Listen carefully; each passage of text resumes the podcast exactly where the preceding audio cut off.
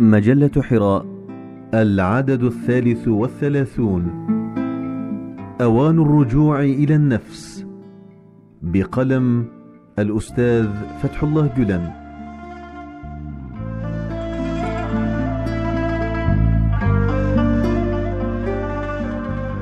بينما كنا نسير نحو مستقبل مفعم بالنور بقلوب ملؤها الأمل إذا بنا نسمع أصواتا كريهة ترتفع من اليسار ومن اليمين تدعو إلى عهد مظلم من جديد.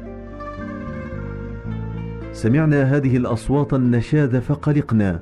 أبدأنا نرجع إلى أيام التناحر والشقاق. كم كنا معجبين بهم عندما كنا نسمع منهم هذه الكلمات احترام الإنسان وتوقيره وإبداء الحب للكل ولكل شيء. والتعامل بكل مرونة وتساهل مع العالم كله. كم كانت هذه الكلمات ساحرة ومعسولة. كم أحببنا كلماتهم هذه وكم ضممنا التقدير لها في جوانحها. أحببناهم وأعجبنا بهم. أعجبنا بكلماتهم ونحن نمشي في طريقنا نحو المستقبل بكل ثقة وأمن واطمئنان دون أن يخطر ببالنا ظهور أي مصاعب أو أمور سلبية أمامنا.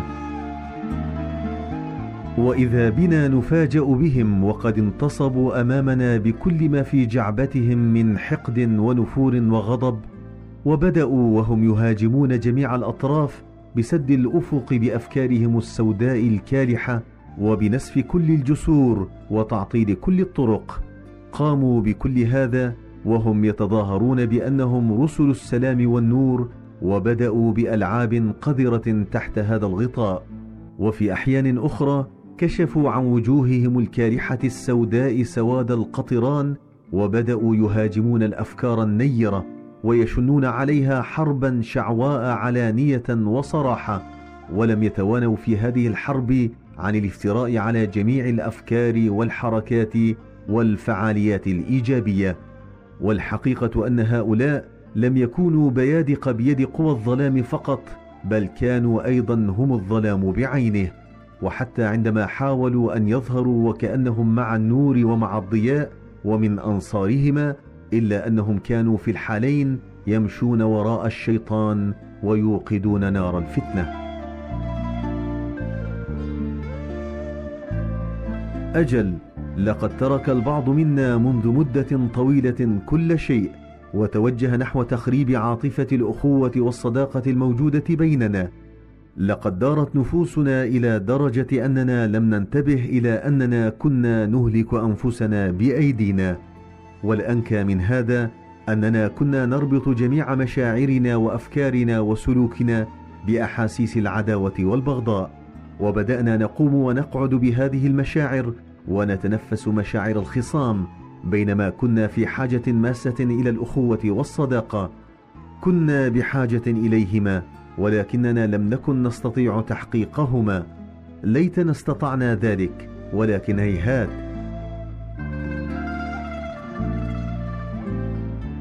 ولو كان بإمكاننا تحقيق مثل هذه الأخوة والصداقة بين أفراد هذه الأمة لاستطعنا تجاوز هذه المشاكل والعقبات الكبيرة والضخمة ضخامة الجبال بحملة واحدة ولا أسمعنا صوتنا حتى إلى النجوم في السماء ولكن لم نستطع أو بالأحرى لم يدعونا نحقق هذا بل زرعوا الشقاق والنفاق بيننا فأصبح بعضنا أعداء للبعض الآخر ومصدر هم وغم وبدأ بعضنا يضرب البعض الآخر وتحول كل منا إلى شخص يعاني من مأساة هذا العصر.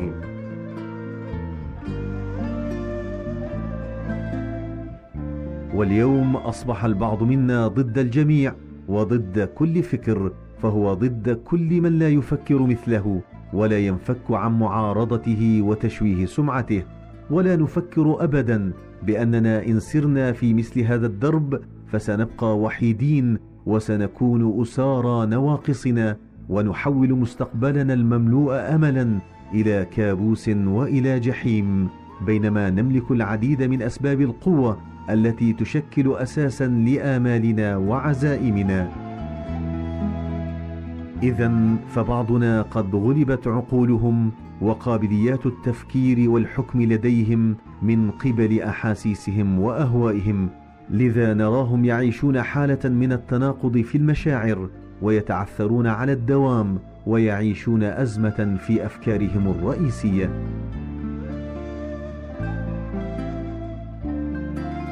فلا يمكن أن يشكل هؤلاء أمة واحدة على الرغم من كونهم أبناء بلد واحد لأنهم وضعوا أنفسهم في مواضع معينة بحيث يهدم أحدهم الآخر. لا يشكلون أمة واحدة بل يعيشون أسرى في شباك الاختلاف والتساقط ويموتون وهم أسرى.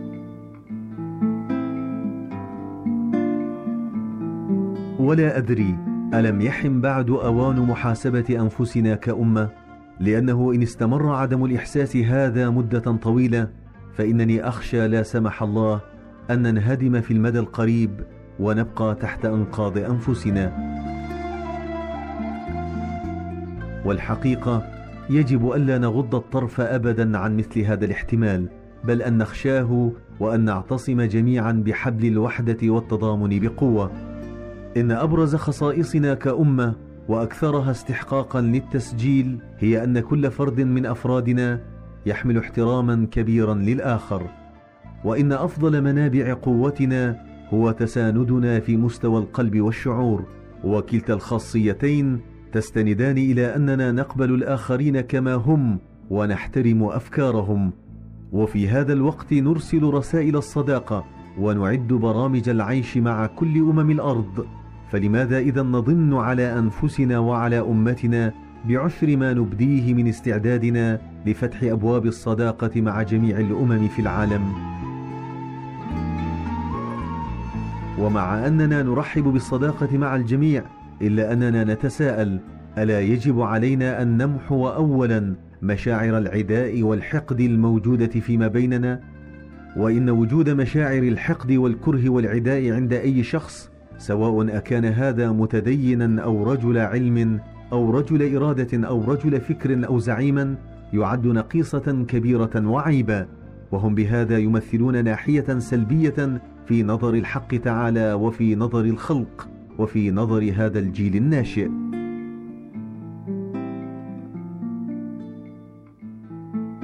إن توقير الإنسان واحترامه من موجبات الإنسانية ومن ضروراتها وحب الإنسان من شروط القرب من الله تعالى ومن الخلق والذين يستهينون بالناس بتصرفاتهم أو بأقوالهم يفشون في الحقيقة مستواهم الخلقي كما يفشي الذين يحقدون على الإنسان ويكرهونه ويعادونه نوعية ضميرهم ووجدانهم بينما نرى أن أصحاب الخلق الرفيع هم من المتواضعين على الدوام يهبون نسيما رقيقا في كل مكان ويستروح بهم الناس وهم يعدون احترام الإنسان ومحبته من أفضل الأشياء وأثمنها ويرون أن حب الإنسان للآخرين وكونه محبوبا من قبلهم أفضل وأثمن من ملك الدنيا.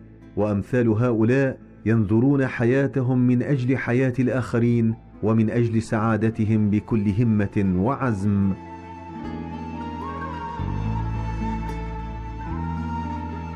ومن السنن الإلهية أن أمثال هؤلاء الذين يحسنون الظن بالجميع ويحملون نوايا طيبة تجاههم يحصلون على أضعاف مضاعفة لنواياهم وأفكارهم هذه ومع أنهم لا يبغون هذا ولا يعنون أن يحصلوا على مقابل لعملهم إلا أنهم يحصلون على عشرة أضعاف ما يقدمونه مستفيدين من مزايا إنسانيتهم. أما الذين تركوا أنفسهم للحقد وللعداء فإنهم يدمرون قيمهم الإنسانية ويزعزعون موقعهم في قلوب الناس. إن صرف الإنسان عمره في غمار المشاعر السلبية والسيئة عذاب لا يطاق من جهة وانحطاط من جهة أخرى. بينما رؤية الجانب الإيجابي في كل شخص واحتضان الجميع بطولة من جهة وسمو من جهة أخرى بطولة في التحكم بمشاعر الحقد والنفور والطمع.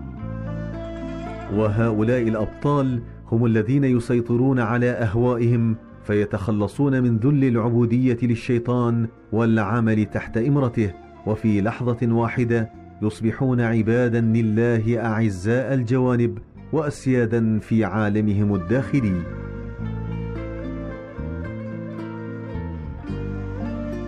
لقد أصبحنا كمجتمع منذ زمن طويل أسرى رغباتنا وعبيدا لأهوائنا وبدأ معظمنا يتصرف بوحي من الشيطان في قيامه وقعوده.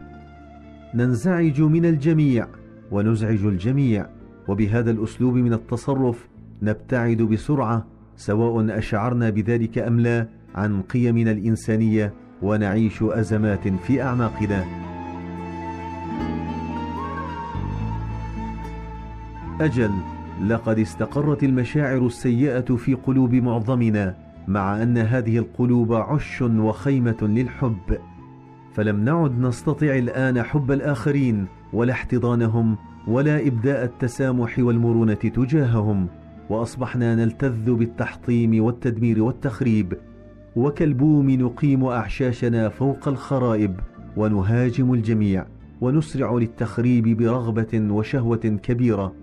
ونتورط بذلك في آثام لا تغتفر نحو الله تعالى ونحو بلداننا ونحو الناس.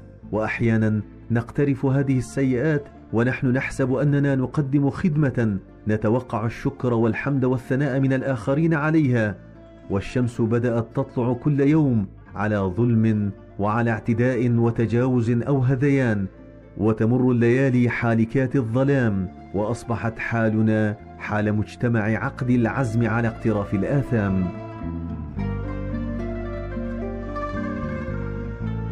المشاعر الإنسانية بقيت خلف الأهواء النفسية بمسافة كبيرة وتقدمت مقاييسنا الشخصية والمزاجية على المنطق وعلى الموضوعية. أما مشاعر المحبة والتسامح فقد ذبحت بخناجر العداوة. أما أعداد الأشخاص الذين أصدرنا بحقهم احكاما جائرة بأفكار مسبقة فلا يعدون ولا يحصون. وليس من المعلوم ما سنفعله ومتى سنفعله ولمن نوجه شتائمنا ومن سنقوم بإغراقه بالإهانات. فنحن نعيش في دائرة من الجنون وفي مجتمع شيزوفرينيا. فلا نشبع من الظلم ولا نخجل من الاعتداء ولا نكف عن اقتراف الآثام. إثم عدم احترام الحق وإثم شعور الكره نحو الناس والنفور منهم.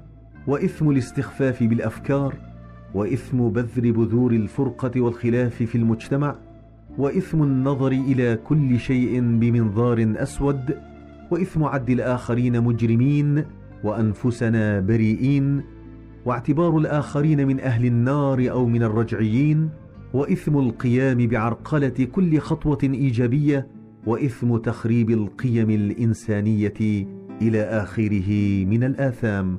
وأنا أعتقد أنه آن الأوان للتوبة من كل هذه الآثام. اذا تعالوا نتب من كل آثامنا مستغلين بركة هذه الأيام التي أحاطت بنا.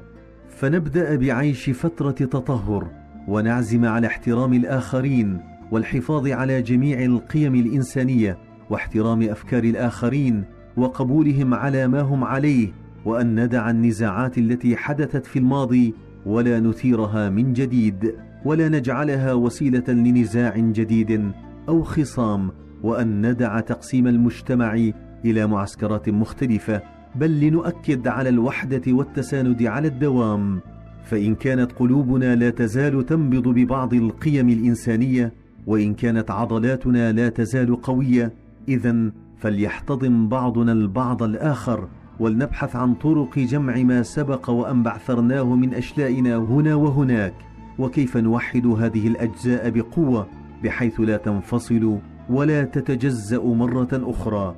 ودعونا نستنطق لغة القلوب التي تقربنا إلى الناس وتوصلنا إلى الله تاركين مشاعر الحقد والعداء التي تقطع علينا الطريق كل حين. إذا كان المطلوب هو تحويل بلادنا إلى جنة وارفة الظلال وأعتقد أنه لا توجد شبهة في هذا الأمر فلا ينجح في هذا ولا يستطيعه إلا من أقام هذه الجنة في قلبه اولا. فمن لم يستطع تخليص قلبه وعالمه الروحي من قبضة المشاعر والأهواء التي تقلل من مستوى الإنسان وتخفض من قيمته فهو أعجز من أن يقدر على هذا بل لو قدر له على فرض المستحيل أن يمر من جنات الفردوس لكان من المحتمل أن يفسدها ويشوهها ويقلبها إلى سجون. دعونا نضع يدا بيد مرة أخرى ونتكلم بقلوبنا ونسمع النجوم ما يدور في صدورنا ولا سيما في هذه الأيام التي تتزين فيها الآفاق بالرحمة الإلهية وتحتضن الأنوار الآتية من وراء الآفاق قلوبنا. نتوحد في هذه الأيام المباركة التي تتردد فيها أنفاس جبريل عليه السلام وتلتقي فيها الأدواء مع العلل والأمراض.